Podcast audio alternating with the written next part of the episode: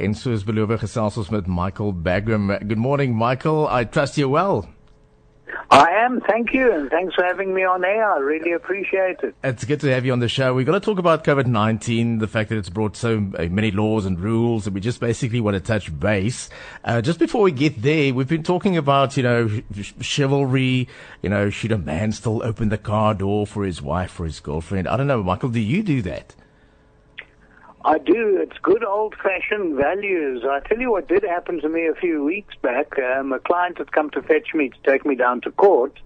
Um, and obviously a lot younger than me, and I, you know, you don't see yourself as old. And he said, "Well, let me open the door for you." I must admit, I got a fright, and then I thought, "Well, what a fine gentleman!" yeah, it's true. It's true. Good old fashioned, uh, good. Um, manners, I suppose. Yeah. Yeah. But anyway, uh, Michael, yeah, Michael Bagraim from Bagraim Attorneys. Uh, my first question, uh, you know, let's first explore the wearing of masks and liabilities. Can you share something about that? Yes, I can. And in fact, the Department of Employment and Labour, through the Minister of Employment and Labour, have put out a, a revised guideline which has brought all the other regulations under one guideline it's important for all business owners to get a copy of those regulations. Uh, if anyone emails me, obviously I'm happy to send them a copy. It's, it's good reading. But they have a section there on the wearing of masks. First of all, never mind the fact that there's a lot of lockdown breakup now and people are coming back to work. You have to wear a mask at work. It's absolutely vital. They've also said that every employer must supply two masks to each employee, cloth masks to each employee. That's the first thing. The second thing is that the employer becomes responsible and liable if an employee refuses to wear a mask. So they've got to actually target the people and say, I'm overseeing this. You must wear a mask.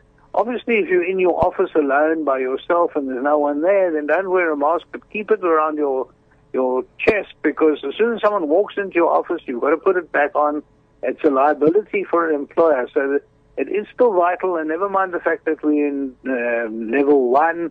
The as you saw yesterday, the state of disaster has been extended um, for another month until the 15th of November, and we're still in level one. And the regulations are absolutely clear. Mask is absolutely vital, and the mask is still internationally known as one of the very few things that you can do to stop the spread of this virus. So it's, it's a vital part. It is legal. Um, they could give fines to the employers and to the employees if an inspector arrives at your office. And the fines can go anything up to 20,000 Rand. The inspector won't give the fine himself. He will give you a ruling to either come right and as a warning, or he could even shut down the office. So be careful wearing masks is absolutely vital, and you need to do it in all public spaces. Mm-hmm. It's just interesting. You just said that the employer is responsible if the employee doesn't want to wear the mask. So what what do I do as an employer? Can I give that person a warning? Well, you go more than a warning. You obviously do give them a warning, and it could even be a written warning. But you could say to them that if I catch you again, we're going to have a disciplinary inquiry, and we're going to possibly even dismiss you. But we're not going to even allow you into the front door mm. if you don't arrive with a mask. Yeah. So you need to check, and it's still there. I mean, I know people are getting laxed, and people are, it's business as usual. Well, it isn't business as usual.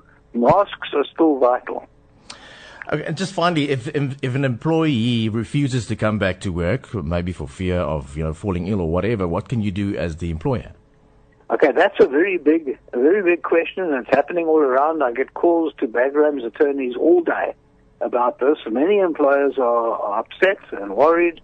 Obviously, what happens is, as we're coming back to work, many employees saying, I've got a comorbidity, or I'm over 60 years old, or I'm very worried that people are going to cough.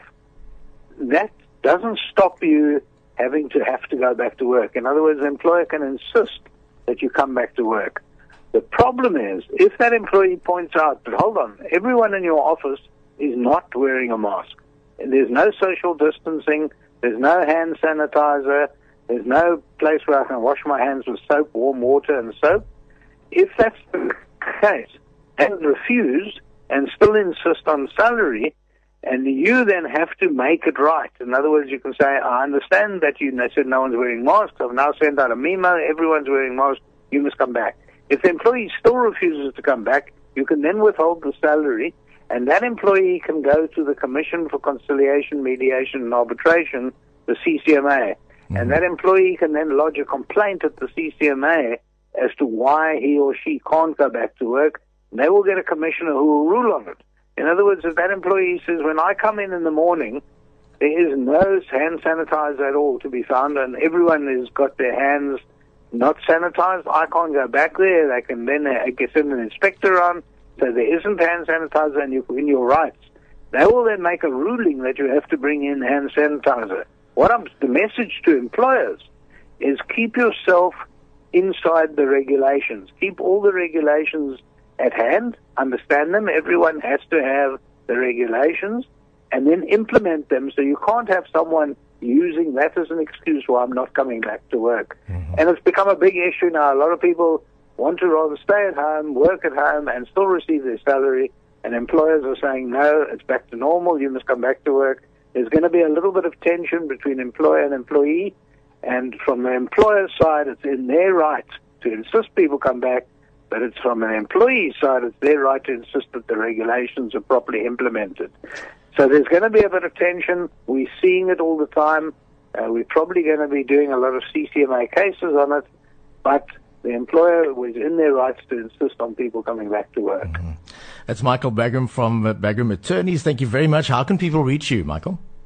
Uh, best to get me on email. It's Michael, M-I-C-H-A-E-L, at Bagraims, B-A-G-R-A-I-M-S,